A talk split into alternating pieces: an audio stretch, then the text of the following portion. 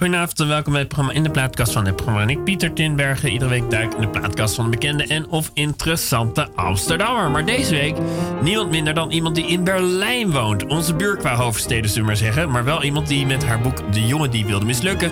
en trouwens ook haar artikelen vaak erg dichtbij komt. Zeker bij die van de belevingswereld van veel Amsterdammers. Ze komt dan ook oorspronkelijk uit Ilpendam. Dorpje tussen Purmerend en Amsterdam-Noord. Kortom, eigenlijk vlakbij. En nog belangrijker misschien nog wel voor het Amsterdam gevoel... Ze heeft ook nog bij AT5 gewerkt als stagiair, geloof ik. Uh, inmiddels is ze verliefd geworden op een artiest, maar ook iemand die drie jaar heeft gezeten voor meerdere overvallen. Uh, daar waar anderen het begrijpelijk wijs meteen zouden uitmaken, daar ging, uh, daar ging Angela Wals op onderzoek uit. Waarom het leed dat mijn liefde heeft aangericht en hoe groot dat leed, althans zo las ik het een beetje. Het resulteerde dus in het boek De jongen die wilde mislukken. Een groot plezier haar hier in de studio te mogen ontvangen. Angela Wals, van harte welkom. Dankjewel. Ja, uh, dat is in februari vorig jaar uitgekomen trouwens, dat boek hè? In dus maart, ja. In maart, dus het is alweer bijna een jaar oud. En je zei net uh, toen we elkaar, nou, gewoon voor het eerst zou ik maar zeggen, nu net even een kwartier geleden ontmoeten van... Ik heb even pauze gehad qua interviews. Klopt. De ja. storm is voorbij en nu dacht je, ach, ik pak er weer eentje. Nou, ja, zo nonchalant was het niet. Ik dacht, oh leuk, leuk dat ik gevraagd word uh, voor uh, deze, deze uitzending. En het is inderdaad een tijdje geleden dat ik, uh, de meeste interviews waren direct na de publicatie. Dat klopt. Dat is natuurlijk ook logisch. En je hebt ook gewoon muziek meegenomen natuurlijk. Ja. ja, wat was je afweging daarbij? De, deze lijst ja, is behoorlijk uh, uh, random. Uh, ik heb gedacht, oh, dat is wel leuk om zo'n link te leggen tussen een boek en misschien tussen mijn, mijn eerste, mijn eerste liedjes die ik luisterde als tiener. nou, zo ben ik er een beetje afgegaan. En nu mijn link ook met Berlijn, nu ik daar woon. Dus dat zit er allemaal in. Wat ik opeens zie is dat volgens mij jouw partner er niet in voorkomt. Of is dat Bertolf? Nee. Ben ik dan heel erg dom? ik ben een beetje dom Mijn part is niet Bertolf, maar wel zijn uh, uh, inspiratie zit uh, erin. Dus hoe ik door hem geïnspireerd ben, dat zit er wel tussen. Oké, okay. um, gaan we waar gaan we weer beginnen? misschien leuk om met Stevie Wonder te beginnen. En is Best daar, Time ja, Paradise. Is daar iets wat je er nu over wil vertellen later? Of even kijken? Nee, laten we eerst luisteren. Oké, okay, prima. Even kijken. Ik zie dat er eerst reclame is. Maar oh, ja, is tegenwoordig 20 seconden. Uh, ja, het is, YouTube heeft tegenwoordig... Wel... Ja, die 10 seconden, daar praat ik wel met gemak overheen. Uh, kijk, YouTube heeft tegenwoordig de irritante eigenschap... dat je echt reclames moet afkijken. Maar goed, nu is dat dan toch echt voorbij. Maar hoe heet het nummer ook weer, zei je? Best Time Paradise van Stevie Wonder.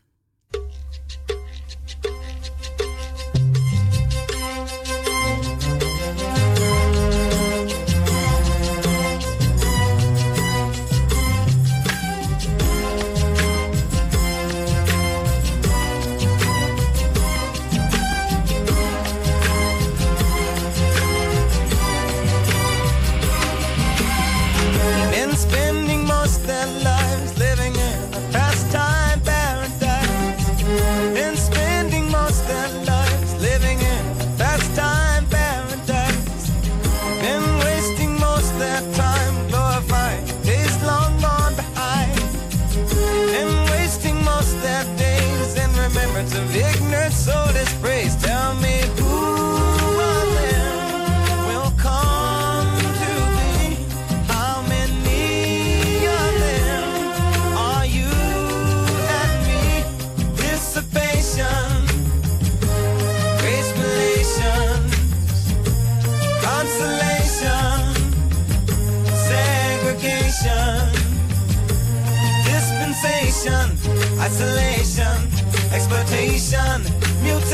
mutilation, mutation, miscreation, confirmation to the evils of the world,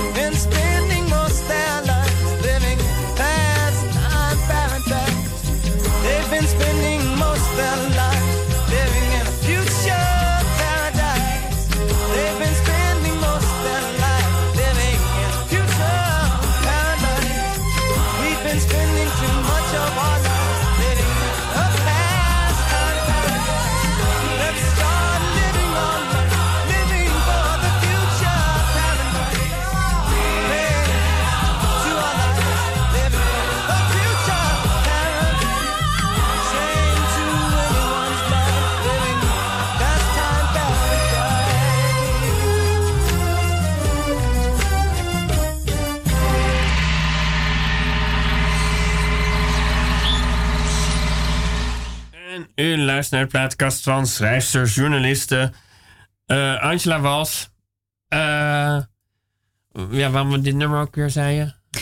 Nou, ik vind het een mooi nummer, maar eh, je zei net tegen mij, ik, eh, natuurlijk ken ik dit nummer, maar ik ken dit nummer heel lang niet. Wat ik kende was Gangsta's Paradise van Coolio. Is dit oorspronkelijk of niet? Dit is de, ja, dit is de oorspronkelijke. En eh, ja, als je net als ik in de tweede helft van de jaren negentig en het begin van de zero's tiener was, dan ben je de, Oh, ja, via ja. de dag of vijf van TMF vooral heel erg groot geworden met heel veel sample muziek. Dus liedjes waar samples werden gebruikt.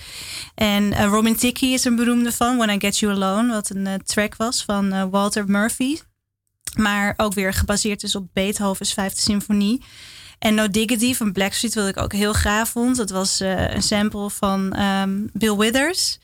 En dit was dus gewoon Gangsta's Paradise van Coolio. En dat was zo. En ik wist eigenlijk ook jaren niet dat dat gebaseerd was op een eh, heel mooi nummer van Stevie Wonder. Van een heel mooi album, namelijk Songs in the Key of Life. Ja. Een beroemd album. Iedere muziekkenner kent het. Ehm, maar ik was me daar niet van bewust. En het was eigenlijk dat mijn vriend, die zelf muzikant is, me daar, daarop wees. Op al die originele van al die samples. Ja. En eh, toen dacht je, dat is eigenlijk mooier of mensen net zo mooi of... eh, Eh, veel mooier. Ja, Ja. nu pas realiseer ik me hoe. wat je gemist hebt in je jeugd. nee, nou niet wat ik gemist heb, maar wat, wat voor mooie originele daar aan de grondslag lagen. Ja. Eh, kijk, ik zou graag eh, willen zeggen dat ik met goede smaak geboren ben. Of dat ik me vanaf mijn vijftiende meteen eh, David Bowie luister. Maar het ging gewoon via de Backstreet Boys en via Ja, de Spice Girls naar wat meer ontwikkelde smaak. Dat, zoals de meeste. opgegroeid inderdaad in Ilpendam? Hoe ik ben opgegroeid? Ja, Ja. heel kalm en rustig. eh, met een, een, een heel lief broertje en hele fijne ouders. En eh, met een, eh, een- ja, er waren twee basisscholen. En als je niet katholiek was, ging je naar de openbare. Jij ging dus en naar dat de was het. openbare horeca? Ja, dat was het. Dat was gewoon heel simpel. Weinig keuzestress. Overzichtelijk. Ja, is, is Ilpendam nog steeds hetzelfde, denk je? Of denk je dat ook daar de grote stad dichterbij is dan eh, toen jij er... Want jij bent van begin jaren 80, dan 85 of zoiets dergelijks, toch? Rond die Ik ben periode. 1986 geboren. Ja, Ehm, de grote stad is denk ik wel dichterbij gekomen. Het is nog steeds een dorp. Eh, en, en, wonen je en- ouders er nog? Mijn ouders wonen er nog. Mijn vader heeft daar eh, met, mijn moeder een autogaragebedrijf. Dus die zijn er ook wel echt. Eh, mijn vader is er geboren en getogen. Mijn moeder is Amsterdamse, die eh, netjes via permanent dus in Ilpendam is beland. Dat is een echte Amsterdammer, zou je tegenwoordig zeggen, geloof ja, ik, hè? ja, net als mijn dochter, is ook een echte Amsterdamse, maar die Ja. zit nu in Berlijn. Ja, Ehm, maar die is nu eh, een jaar of zes, zeven, denk ik? vijf. Oh, vijf. Oh, nog echt best wel jong. Ja. En, eh, en, dus, en ja, er zijn ook wel veel eh, mensen uit Amsterdam in Ilpendam bijvoorbeeld gaan wonen. Want Ja. uiteindelijk zit je zo dicht bij de stad. En, en het is een, een dorp waar een bouwstop op zit. Dus je bent omringd door weilanden en koeien. En dat is prettig. Die gaan voorlopig niet weg, bedoel Nee. je? Nou, ja, nou, dat is nog een goede tip. En zijn de woningen daar nog betaalbaar? Nee, Betaalbaar nog niet meer. nee. Nee, die zijn ook daar weer weg. Ik denk dat ik een probleem heb als ik ooit terug wil eh, naar Ilpendam. Ja. Ja, dan moet je het van je ouders hebben. Ja, en nee, want jij woont nu sinds... eh, wanneer woon je eigenlijk in Berlijn dan? Ik woon in- sinds 2016 in Berlijn. Ja, In eh, de wijk Prenzlauer Dat wordt ook wel ja. Pregnancy Hill Wat genoemd. zeg je? Pregnancy Hill. En wat betekent dat? Eh, nou, er zijn heel veel kinderen. Er is de hoogste concentratie aan kinderen van heel Europa in, in die wijk. ja, Ehm in waarom wilde je in Berlijn gaan wonen? Ehm, wij wilden daar gaan wonen. De, Jullie de, ja, we, we wilden een tijdje in het buitenland kunnen wonen. We, we hadden het idee dat het ook. Waarom zouden we het niet proberen? We Ja. zitten in een tijd waarin eh, we redelijk makkelijk eh, de boel kunnen oppakken en ergens anders kunnen proberen. Dus waarom zouden we van die geglobaliseerde wereld geen gebruik maken? Ja. Dat was het idee. En vervolgens is dan Berlijn. We hadden al eh, onze dochter. Is dan ook een kindvriendelijke stad, een groene stad. Nog niet zo'n dure stad. Er zijn twee freelancers. En dan ja. kun je misschien relatief eenvoudig opnieuw beginnen. Maar nou, ik zit nu even hard op na te denken. Hij is een artiest die waarschijnlijk zijn netwerk in Nederland wel. Ofwel, ja. Ja, de mijn, vriend, ja, mijn vriend is dus muzikant. Ja. Eh, maar hij is nu in Berlijn. Is hij producer en eh, componist en, en songwriter. ja. Dus hij is van sessiemuzikant naar een, naar een studio gegaan eigenlijk. Dus Heeft niet meer optreden. Maar, ja, hij heeft een studio in Berlijn samen met twee partners. Ja. Oh, en die had hij. Voordat de Berlijnse plannen echt werden uitgewerkt, had hij die al ontmoet, begrijp ik. Of, eh, Ja, die, ja een, van de, eh, een van zijn partners waarmee hij samenwerkt kende hij al. En nu, eh, dat was, een- dat was de enige link die we hadden inderdaad met Berlijn. En en dat toen is toch- goed uitgepakt. Ja, want jullie wonen al drie jaar. Ik hoor oh, je stem dat voorlopig blijven jullie lekker even in Berlijn zitten. Voorlopig wel, ja. Ja. Ik, alhoewel ik dus niet, echt niet zeker ben van of dat voor altijd zo is. Ehm, ik heb wel een sterk gevoel dat ik daar niet oud ga worden in Duitsland. Dat, Oh, dat wel. Maar want- waar het waar over Nou ja, jouw eh, dochters die zullen wel waarschijnlijk hun lagere schooljeugd grotendeels in Berlijn zou hebben. kunnen. Ja, want eh, heeft ook ehm, ja, jouw boek dat je geschreven hebt, en het is een jaar oud, maar ik zie ook al je naar het boek kijken, dus je vindt het niet vies om het erover te hebben. Ehm, Nee hoor. is voor een deel natuurlijk een universeel boek over eh, kinderen die de verkeerde wegen afslaan halverwege hun puberteit. Klopt. Dus Ja. Ik denk dat het ook zo bedoeld is, of niet? Voor Ja, deel. ja het, is, het, is, het gaat inderdaad over eh, de tijd waarin mijn eh, vriend als 17-jarige een serie bankovervallen heeft ge- eh, gepleegd. Geen bankovervallen. Eh, toch? bankovervallen, ja, ik dacht, dat zeggen, je hebt er nou, nou niet in gelezen. Eh, nee, overvallen heeft gepleegd. Sorry Ja, hoor. Het maakt niet uit. Ehm, maar het, het is ehm, eigenlijk veel meer geen- Het is een, een benzinepomp en een snackbar komen erin voor in ieder geval. ja, en een straatrover. En, ja, een straatrover nog. Ja. En er zijn veel meer eh, overvallen gepleegd met, eh, met het clubje waarbij hij zat. Maar dat zijn de overvallen geweest waar hij bij betrokken was. En ja, dat is het criminele deel van het verhaal. Maar dat is eigenlijk inderdaad wat je zegt. Ook veel meer een coming-of-age verhaal van een zoekende jongen van 17. ja, toch even de. Eh, ik ga geen bekentenis doen hier. Eh, eh, ik heb niet dit soort bekentenissen doen, maar ik weet wel, als je net een vriendinnetje hebt, dat weet ik nog van tien jaar geleden in mijn geval, zijn er toch dingen die je aan elkaar vertelt waarvan je denkt, dit kan een game, een game changer Ja. zijn. Ja, zo was het ook bij ons. Ja, we, Ja. hij vrij vroeg in een, de prille relatie die we hadden, biechtte hij op dat hij op zijn 17e, 17e dus overvallen had gepleegd. En dat hij daarvoor ook bij elkaar een eh, jaar in de gevangenis had gezeten. Je zei net drie jaar, maar dat was een Oh, eerste, oh. eerste veroordeling. Maar uiteindelijk kwam het neer op een jaar zitten. Oh ja, drie jaar veroordeeld klopt geloof ik misschien wel, of is dat gewoon even verkeerd gezegd? De- het was de eerste veroordeling drie jaar. Daarna kreeg hij een hoger beroep twee jaar. En hij heeft ongeveer een jaar bij elkaar in de, in de gevangenis gezeten. En dat ja. hij op eh, eh, tijdens een romantische strandwandeling. Ja, je wordt er toch opgehaald om even bepaalde dingen zeggen, ja. Ja, nou en, en, ehm, In Zandvoort. ja. En ik eh, schrok, maar ik vond het ook voor hem spreken dat hij er meteen eerlijk over was. En ik dacht ook, ja, dit is niet zijn leven nu op dit moment. Nee. Dus waarom zou ik. eh, Even voor de duidelijkheid, het moment dat hij het vertelde, want jullie hebben natuurlijk ook, zijn ook niet van gisteren met elkaar. Dan was een jaar of vijf nadat hij eruit zat. Of langer. Nadat hij wat? Sorry? Nou ja, dat hij, nadat hij het gedaan had. Hoe lang was het toen geleden? nee, dat hij- twintig jaar toen was alweer nadat hij. Dus dat hij heeft nu ja, zeg maar 27 of 30 jaar geleden gedaan ongeveer bijna. ja, ongeveer 26 jaar geleden, ja. Ja, oké. Ja. Dus dat was toen echt wel een tijd Ja, geleden. dus ook. dat was ook al echt een tijd geleden. En, en hij leefde dat leven duidelijk niet. Want hij was een muzikant en hij was het optreden. En eh, hij, hij eh, leefde zijn leven gewoon, gewoon op een mooie manier, vond ik. Dus, Ja. ik. dus het fascineerde me wel. Maar ik vond het ook niet nodig om, eh, om ervoor weg te lopen. Ehm, maar het fascineerde me wel, want eh, hij was namelijk in die zomer dat hij eh, die overvallen pleegde, was hij eh, 17, had net zijn VWO-examen gedaan. En hij was al toegelaten eh, voor het conserv- conservatorium. Dus ik dacht, waarom zou iemand die zijn pad zo mooi geplaveid heeft, eh, zijn toekomstpad zo mooi. Waarom zou hij dat zo? Waarom zou hij zo'n zootje maken van zijn leven? Dus dat, dat was wel. Werd de journalist in jou ook een beetje Ja, absoluut. Want ik kan me wel voorstellen dat dat wel omstandigheden zijn eh, dat de journalist je misschien even kan redden. Ehm, hoe bedoel je? Nou, eh, degene in wie jij de, ongeveer de, de hemel ziet zingen. Jouw partner heeft iets te vertellen waarvan ik me kan voorstellen, what the fuck. Ja. Eh, om maar even moderne het beeld. En eh, dat je dan op een gegeven moment, doordat je journalist bent, meteen een soort journalistiek interesse hebt, waardoor je dat eh, Mm. gevoel even kan verlaten. Nee, dat, dat, dat speelde niet. Ik had wel inderdaad meteen een journalistiek interesse. Maar ik was wel ook zonder die interesse ervan overtuigd geweest dat ik gewoon bij hem moest zijn. Ja. Ja.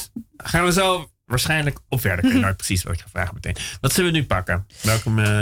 Ehm, ja, misschien is het wel, nu we het ook al een beetje over het boek hebben gehad, wel leuk om Michael Jackson met Ben Oh, te luisteren. Want dat was, eh, was hij als eh, eh, jonge jongen groot fan van. Ja. En ehm, nou ja, laten we eerst maar luisteren. Ja, nu, nou, YouTube is wat hardnekkiger met advertenties, maar die gaan zo weer voorbij. Kijk, ja. Kijken, dit heet gewoon reclamepauze, dames en heren.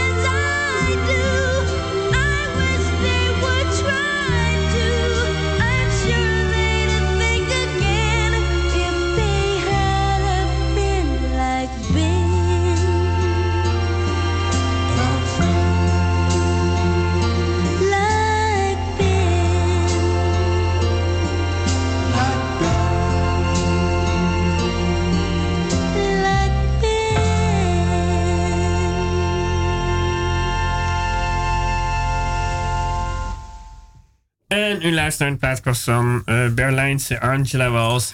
Eh, nou, ik Amsterdammer in Berlijn. Ja, Amsterdam maar Berlijn. Noem je, vind je, Nee voel je hoor. zo inderdaad nee, nee, nou, ik voel me geen Berlijnse. Nee. Nee, nee, want je woont er nu nog maar drie jaar. Dus Ja. zo, zo snel word je niet Berlijn. Zeker niet als buitenlander, zou ik maar zeggen. Als Nederlander, denk ik. Eh, maar voel je inderdaad af en toe een beetje Amsterdamse in Berlijn? Of voel je een Hollander in Berlijn? Of voel je... Ja, een Nederlander in Berlijn. Nou ja, ik voel me wel heel vaak Nederlands in Berlijn. Dat klopt. Het heeft vooral met omgangsvormen te maken. En En eh, toch wel eh, regelzuchtige cultuur. En dan merk ik dat Die ik. hebben de eh, Duitsers. ja, en dan. Nederlanders hebben die namelijk ook al behoorlijk. Ja, die maar- behoor- behoorlijk ook. Ja, Ja. dat klopt. Maar het heeft daar een ander niveau. In Berlijn, in Duitsland in het algemeen. ehm, als je, er, is heel weinig speelruimte. En regels zijn echt heel, heel belangrijk. En elke vrouw op de hoek van de straat zal je er ook op wijzen. Als Nou je ja, een regel verbreekt.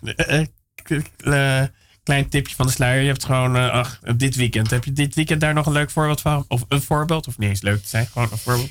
Nou, wat ik altijd heel op, opvallend vind in Berlijn is dat ehm, in Amsterdam ben ik genoeg eh, op de fiets eh, uitgescholden omdat ik iemand in de, bij iemand in de weg fietste. Ik bedoel, Ja. dat was niet altijd even vriendelijk. Je bent ook en toe Eh, een anarchistische fietser, begrijp ik. Ja, dat heb, je, heb ik genoeg meegemaakt in Amsterdam. Maar Ja. in, ehm, eh, in, in Berlijn, op de Berlijnse straten word je veel eerder berispt over dingen die je helemaal niet fout doet. Eh, of dat, je zit per se mensen in de weg, maar omdat ze gewoon zo, mensen zo, ze zien dat jij een regel overtreedt. Dus dan moeten ze dat zeggen. Er is geen gevaarlijke situatie, er zit niemand in de weg. Maar die, die regel moet benoemd worden. En dat vind ik opvallend, want dat zou een Nederlander misschien toch niet zo heel snel doen, omdat hij toch geen last van je heeft op dat Ja. moment. En dat, eh, en dat heb, hoor ik vaak, van dat ik niet op de stoep mag fietsen. Of dat ik, eh, maar dat zijn kleine, kleine voorbeelden. Eh, tegelijkertijd is Berlijn ook heel vrij hoor. Het is ook een stad waarin je het maakt echt niet uit hoe je eruit ziet, wat je doet, wat je. Dus dit, dat, dat is weer de tegenhanger de, Dus ervan het is om in Berlijn. vrijer dan... eh, goed, je bent ook eh, redactrice bij AT5 geweest dan inderdaad Amsterdam.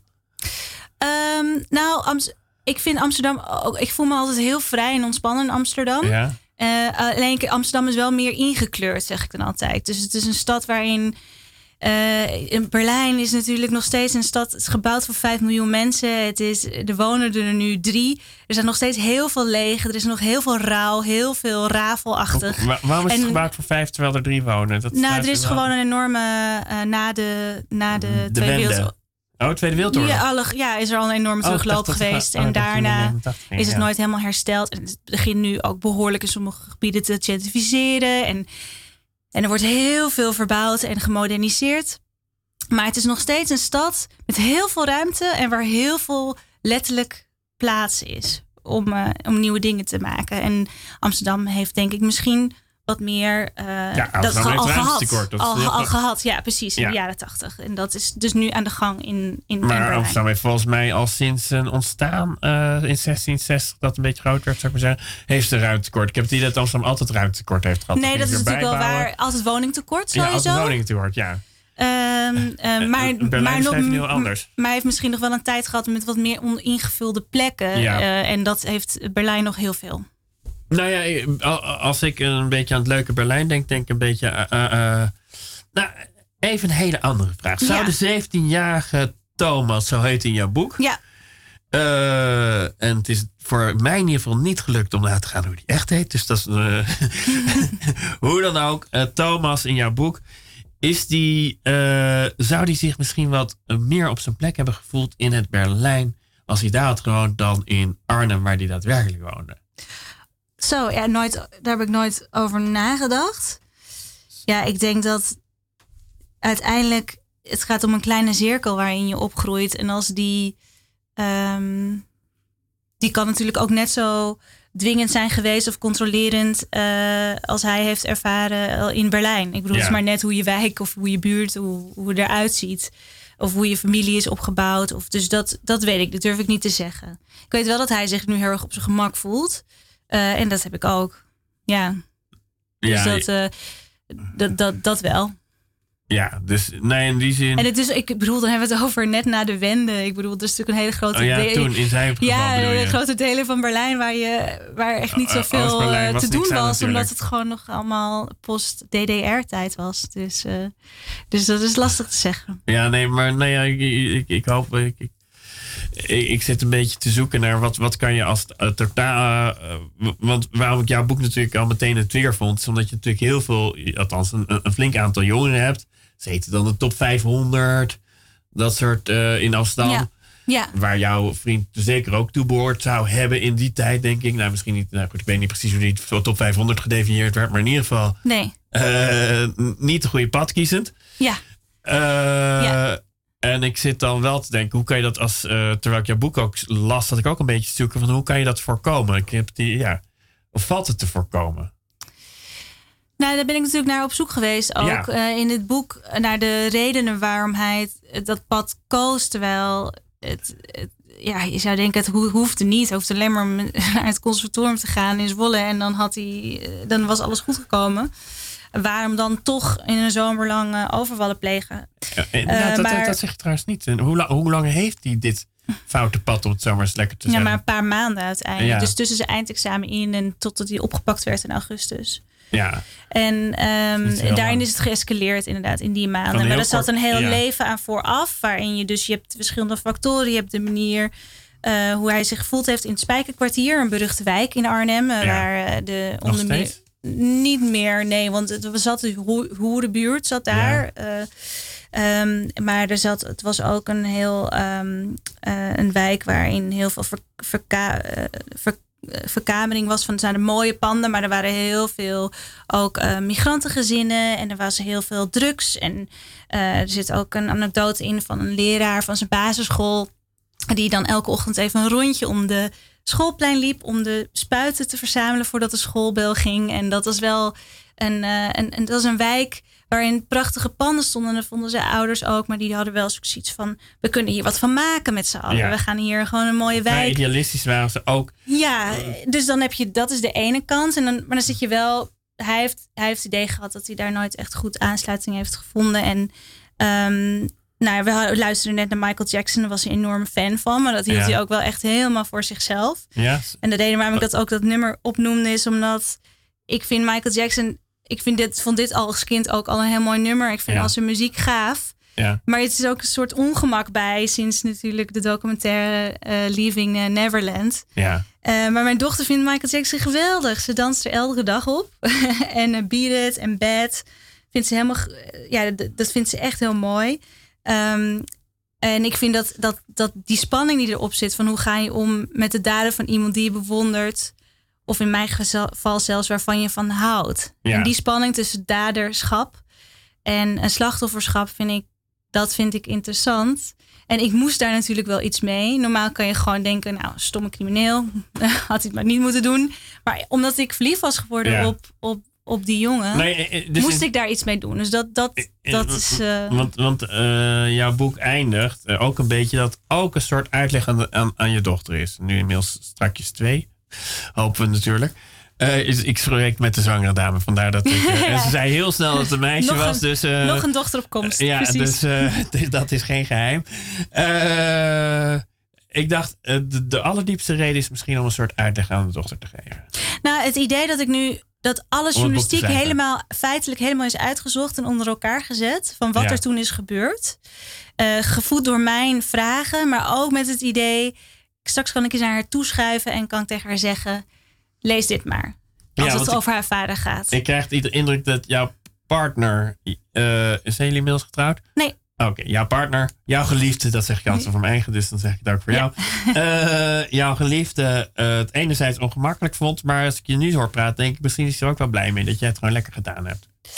Ja, het was ongemakkelijk en hij is er blij mee. Die twee dingen gaan in dit geval gewoon samen. Dus eh, hij heeft natuurlijk liever niet gehad dat ik in zijn verleden ging vroeten. En, en hij zegt ook, ja, het is een van de pijnlijkste delen van mijn leven. Natuurlijk heb ik liever niet dat daar een heel boek over geschreven wordt. Ja. Maar aan de andere kant, gooi het maar open. Een, een, een dader... Want hoe lang hadden jullie wat aan voordat je met het boek begon te schrijven? ehm, Of een beetje met onderzoek begon? Ik bedoel, ik hoef niet meteen dat je... ja, de eerste interviews waren denk ik naar een jaar of vier. Oh ja. En, die, en, en ja, en vorig jaar, eh, En- en- 2018, heb ik het boek geschreven. Ja, dus dat was al verder na. Ja. Maar dat jij een beetje in zijn, in zijn ongemakkelijk verleden begon te vroeten, dat was zeg maar.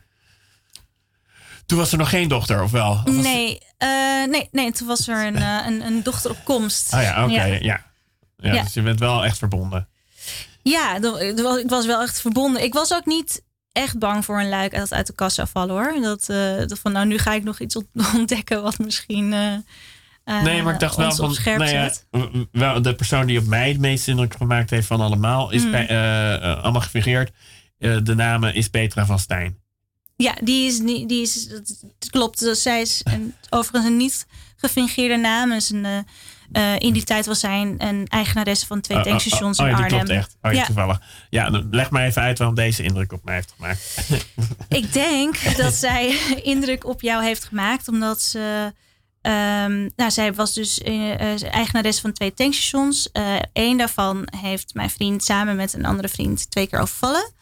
En tien jaar na deze gebeurtenis treft eh, zij geheel toevallig mijn vriend op het podium tijdens een optreden van Mathilde Zanting. Dus de band wordt voorgesteld en iedereen's naam hoort ze. En ze hoort dus ook de naam van mijn vriend en schrikt zich dood. Want Ja. tien jaar geleden heeft zij meegemaakt hoe haar tankstation is overvallen. Ze was er zelf niet bij, maar wel haar personeel. En ze was er ook echt van ontdaan destijds, heel begrijpelijk. En ze heeft de rechtszaak meegemaakt. En ze wist dus de naam goed. Ze had ook Ja. contact gehad met de familie. Dus zij schrikt op dat moment heel erg. Schrijft op een visitekaartje. We denken nog vaak aan je. En vraagt aan de garderobe juffrouw of ze die misschien Ja. even aan de toetsenist wil geven. Ik vind het klasse, heb ik eerlijk gezegd. Van haar. Ja. Ja, ik vond het, ik vond het dus ook een, mooie actie. sterke Ja. actie. Ik vond het ook een Even mooie laten actie. weten, ja. Ja. En dat, dat, dat kwam ook zeker aan met mijn vriend. Die is weer weggetrokken. Durft het podium niet meer op om af te bouwen. En, eh, Ja. ehm, en eh, ja, die is, die is daar heel erg van geschrokken. Ja. Ben je, ja, nee, ik bedoel, want dan kan ik me ook wel voorstellen dat je tijdens zo'n onderzoek wel stil, stil bent. Als je zoiets hoort.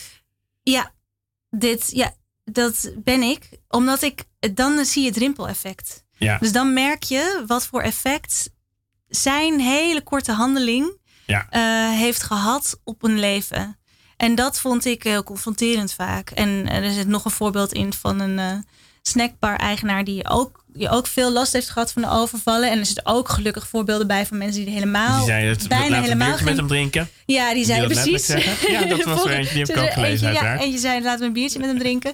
Dus dat is gelukkig zit dat er ook tussen. Maar je kruist elkaars pad maar heel even. Ja. Vaak duren die overvallen niet meer dan een minuut. En vervolgens zet je wel een rimpel-effect in beweging. En dat is iets, een moment waarop eh, volgens mijn vriend helemaal geen invloed meer heeft. Nee. Eh, ehm, maar die slachtoffers ook niet. En die nemen dat mee en die leven verder. En ik wil, een van de motivaties om dat boek ook uit te, eh, te schrijven was omdat ik wilde weten wat er met die slachtoffers was gebeurd. Ja, eh, eh, heeft, eh, eh, om maar even lekker even bij, aan Petra Stijn te hangen. Heeft hij het gelezen? Ja, ze heeft het gelezen. En? En? iedereen die ik heb geïnterviewd mocht sowieso zijn en eigen hoofd- stuk lezen. Ze, ja, zij vond het. Was er, voelde, ze erkenning? Maar even een gekke vraag. Ja, want ik heb ook wel het een en ander nog. Er is destijds iets misgegaan over het uit, uitbetalen van de schadevergoeding. Ja. Ingewikkeld verhaal om nu uit te leggen, maar ze, ik heb dat wel proberen uit te zoeken. En dat, daarin heeft ze wel, dat vond ze wel prettig, dat dat toen uitgezocht was. En ehm, ja, ik merkte ook bij, vaak bij slachtoffers dat ze het fijn vonden om gewoon een verhaal nog een keer te kunnen doen. En, Ja. en dat vond ik natuurlijk ook heel fijn. Nee, ben je ook, eh, Ja. om er even via de, journalist, eh, de journalistieke vraag te doen na de, eh, na de muziek. eh, ben je ook weer een beetje anders naar het strafrecht gaan kijken? Zullen we die even laten hangen? Laten we die hangen? eh, Die Prima. laten we even hangen. Eh, welke doen we nu? Ehm, nou, we hadden het net al even over Berlijn. Ja, En ik had het over de regelzucht, maar ook dat Berlijn heel vrij is. Eh, en Duitsland. En wat, wat heel groot in Duitsland op dit moment is de Deutsche Rap. Dus de Duitse hip-hop. Juli Oh. komt aan. Overal, ja, eh Juju en Loran, Ja, Lorendana. Mooi. Ga verder. Kunnen we over de reclame heen praten. Ja. En ehm, zij eh, zijn gigantische grote eh, rapperinnen, zoals dat Ja. heet. eh, vrouwelijke rappers in Duitsland. Ehm, dus ja, ik vind het een leuk voorbeeld om te geven. Omdat we, ik weet bijna zeker dat geen enkele Nederlander ze kennen. nee. Maar het is wel het zijn echt enorme hits in Duitsland.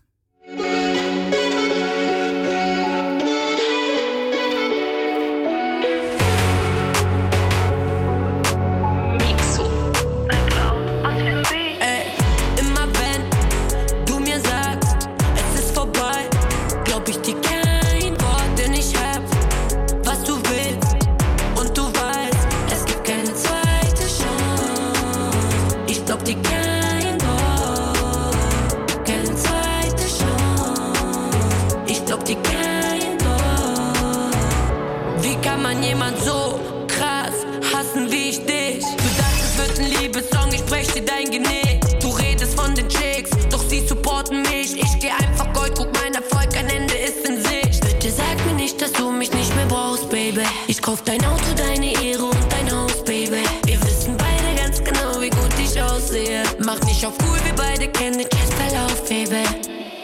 Immer wenn du mir sagst, es ist vorbei, glaub ich dir kein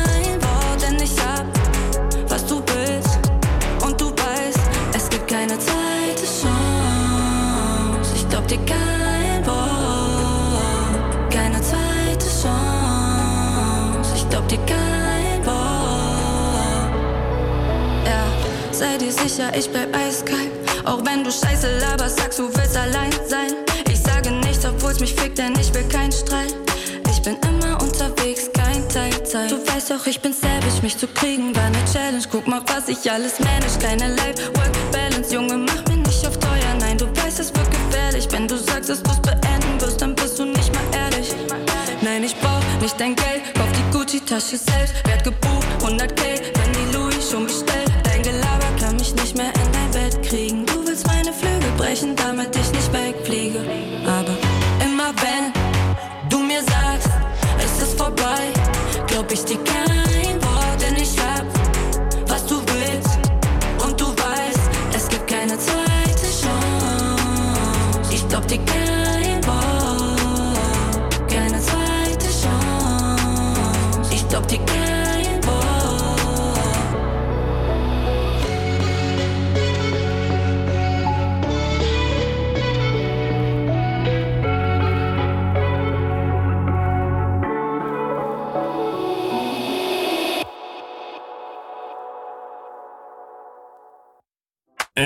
luistert naar de plaatkast van eh, Angela Wals.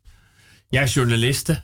Ehm, eh, je wilde nog iets over dit nummer zeggen. Ik zei al... Ja, het, eh, ik, ja. ik zei al dat Deutsche rap is dus heel groot in Duitsland. Het is de eerste vijf nummers zijn allemaal rap nummers. En wat opvallend is in Duitsland, is dus dat ook de vrouwen heel succesvol zijn. Dat is, vind ik opvallend, omdat dat meestal dus niet zo is. En zoals in dit nummer, kein woord, dan wordt er gezongen over dat eh, eh, ik kauf dein auto, deine eer en dein Haus, baby. Dus ik koop je auto, je eer en je huis. Eh, dus er wordt erg gepronkt met het succes en het geld dat deze vrouwen verdienen. Ja. Eigenlijk, en vervolgens, ja, als je de clip ook bekijkt, ze hebben eh, dik in de make-up, platina kleurig haar, veel bling bling. Eigenlijk precies alles wat ook mannen, mannelijke rappers doen. Dus eigenlijk dus zit er geen verschil in, maar ze worden er veel meer op aangerekend. Want het zijn dus de rolmodellen van heel veel meisjes. En als je zo loopt te pronken met wat je allemaal kan en hebt, dan is dat al snel arrogant. En, eh, Het zijn een eh, soort feministen. Om het even nou, lekker leuk ja, eh, ik- naam te geven. Nou ja, ik, eh, dat, zou ik, dat zou ik wel willen beargumenteren, ja. Ehm, eh, maar dan eh, ja, in, een, in een andere vorm dan we misschien gewend zijn. Een, een nieuwe ja. jas. Ja. Geen het, eh, weet je, ja, gewoon feminist van de jaren twintig. ja, en ik luister graag naar Deutsche rap. Het is eh, even wennen als je als Nederlander. Maar eh, het zit een soort durvende vuur. Dus niet alleen van de vrouwelijke rappers, maar ook van de mannelijke. Er zit een soort durvende vuur in.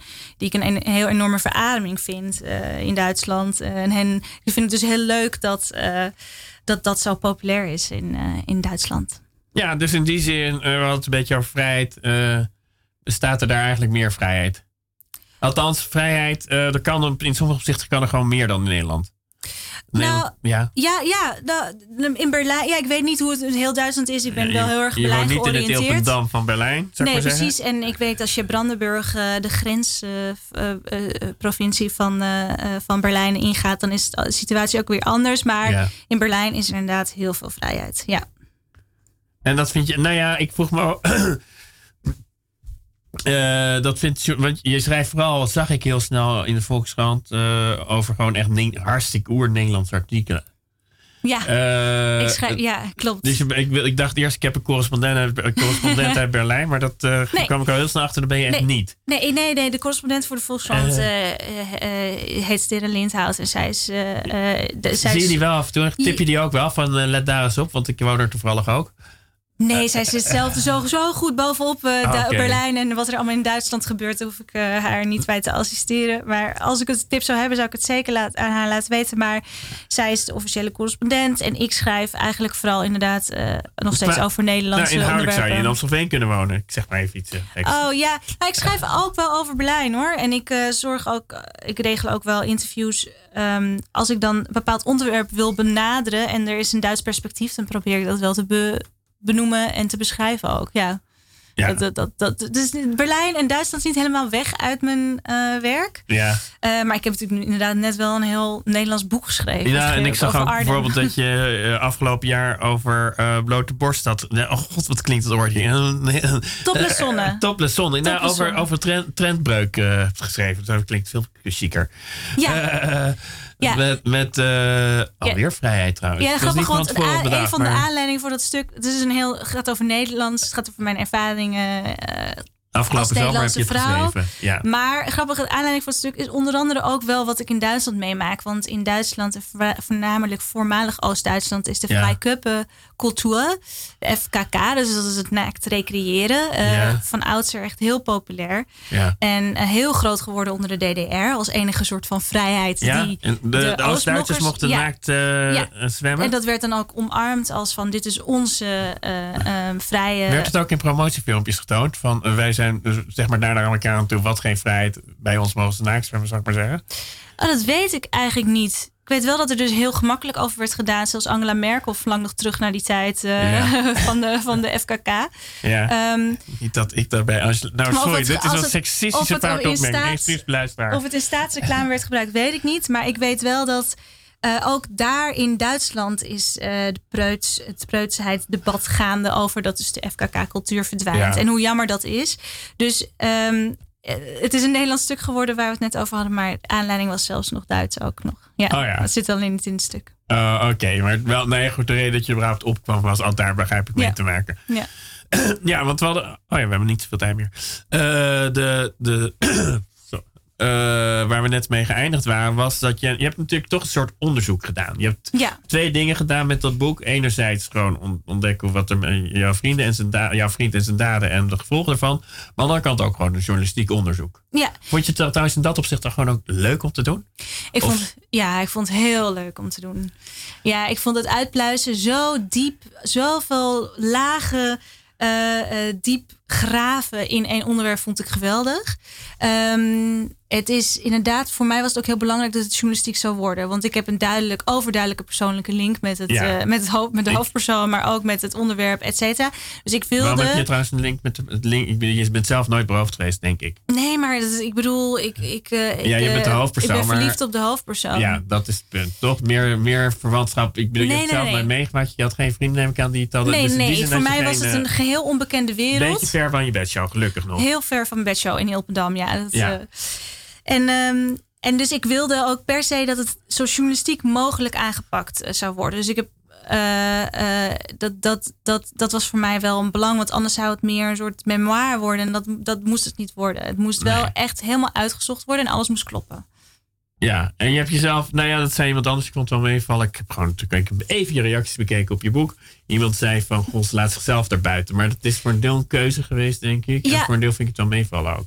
Ja, hoe vind je het meevallen? Nou, eh, je- weet non-stop dat jij het bent. Ja, Je denkt nooit Het is een van. ik-verhaal, ja. het is nooit van. eh schrijft zijn vader, schrijft zijn moeder, schrijft journalisten. Nee, het is de partner. ja, ja. En hoe je eindigt, vind ik ook nogal duidelijk naar je dochter toe ongeveer. Ja, Dus, precies. Ik haal mijn dochter erbij. Ik, eh, ik heb het over. eh, eh, inderdaad, ik.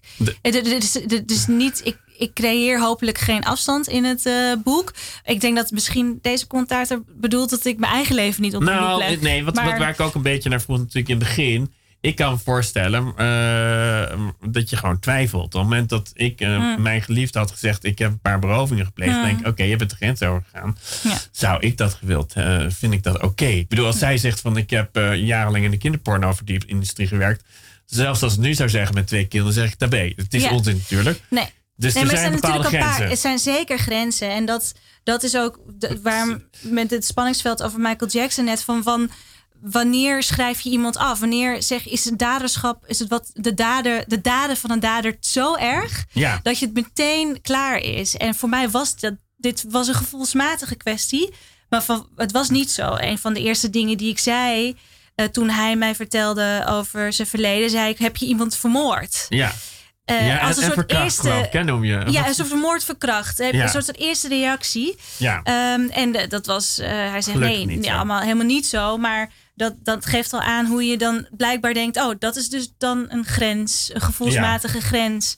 En hetzelfde is met, eh, met, het, met de kunstenaarschap van alle van, van daders die op dit moment aan het Twitter.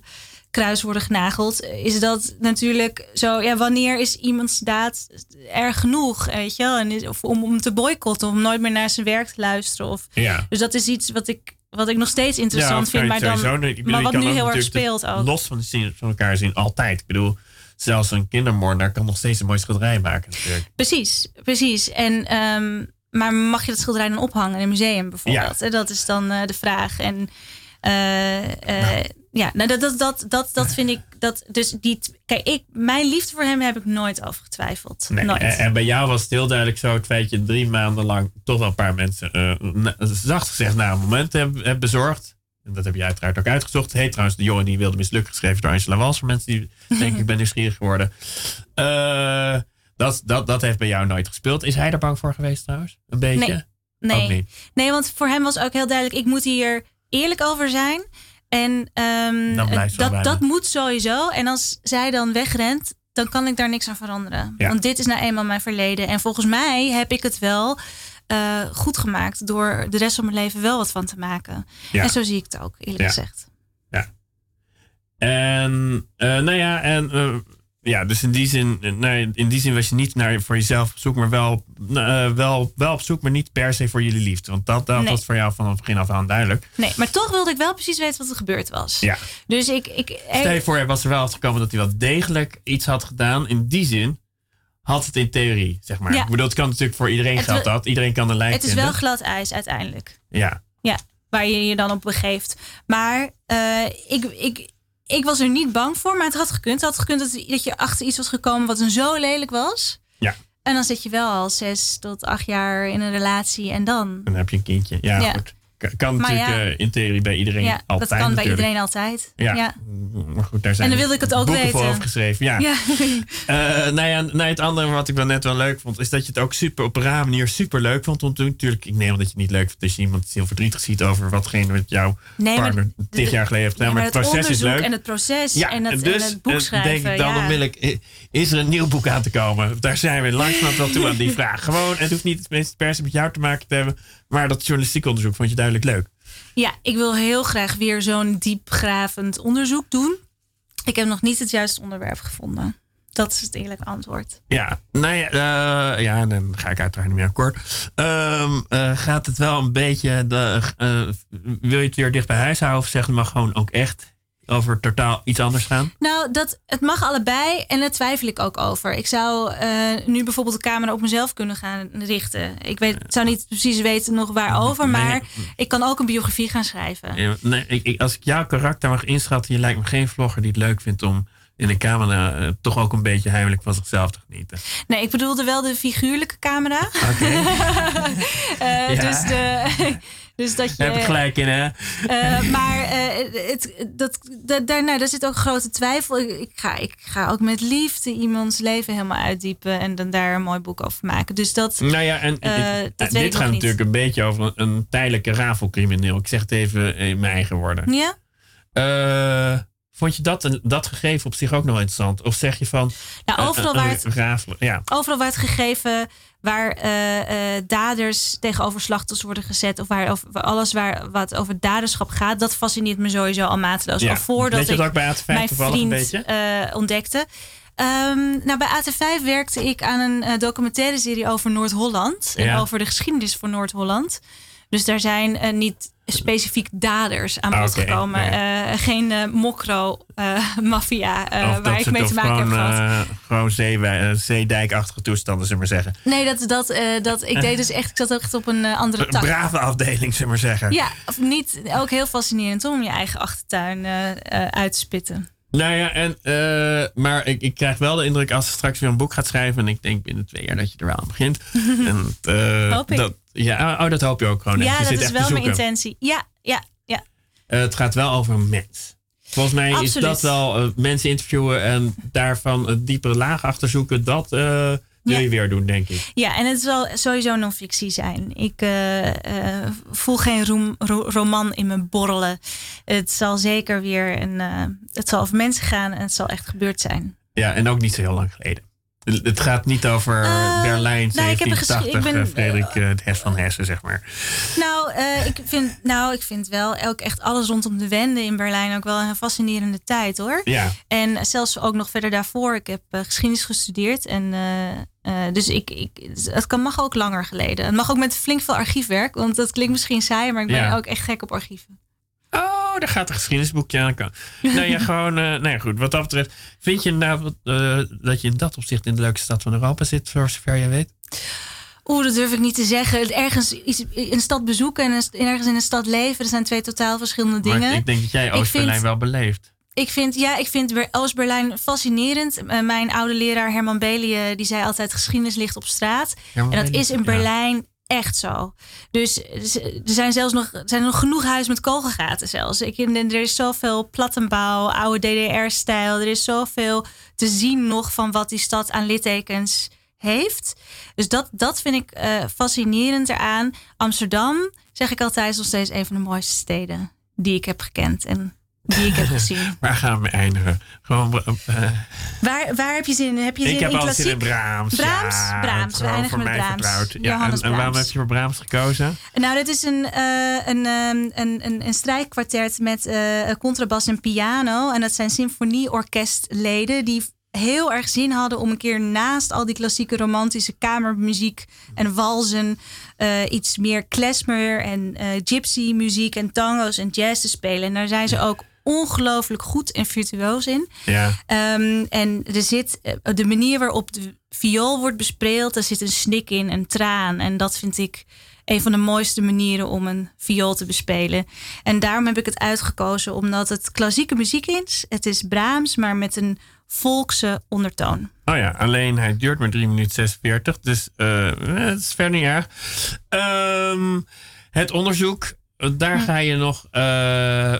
Dus daar, daar is, eh, en ondertussen schrijf je gewoon voor de Volkskrant, begrijp ik. Dus eh, ik, ik heb gemerkt dat je op twee spoor, drie sporen eigenlijk. Want je hebt gewoon een kindje dat eraan komt. Ja, 21 mei is het uitgerekend, had ik begrepen. Hè? het moederschapsspoor. Het eh, moederschapsspoor en dan het, het, het Volkskrant-spoor. Schrijf je alleen Ja, eigenlijk ik ben Volkskrant? freelancer en ik schrijf voornamelijk voor de Volkskrant. Maar ik ben als zoveel freelance journalisten heb ik, schrijf ik ook copyright stukken. En, eh, en ik ben inderdaad, dan hoop ik aankomend jaar weer een nieuw boek te beginnen. Dat Ah, klopt, En, drie en, en je zit nu een beetje in de brainstormfase, begrijp ik. Of klopt dat? Of, eh, Ja, zo zou je het kunnen noemen. Ja, precies. Je bent gewoon een beetje aan het eh, zoeken en... eh, Ja, dus als iemand nog een goed idee nou, heeft. is dat zo? Nee, dat wil je toch zelf opkomen, neem ik aan. Nou, serieus, als iemand een goed idee heeft, mag maar mij volgens mij noem je zelf gewoon goede ideeën. Ga de, ga de kogelgaten opzoeken die je om je heen ziet en ga kijken wat erachter zit. Volgens mij Ja, ben je dan klopt, al heel eind.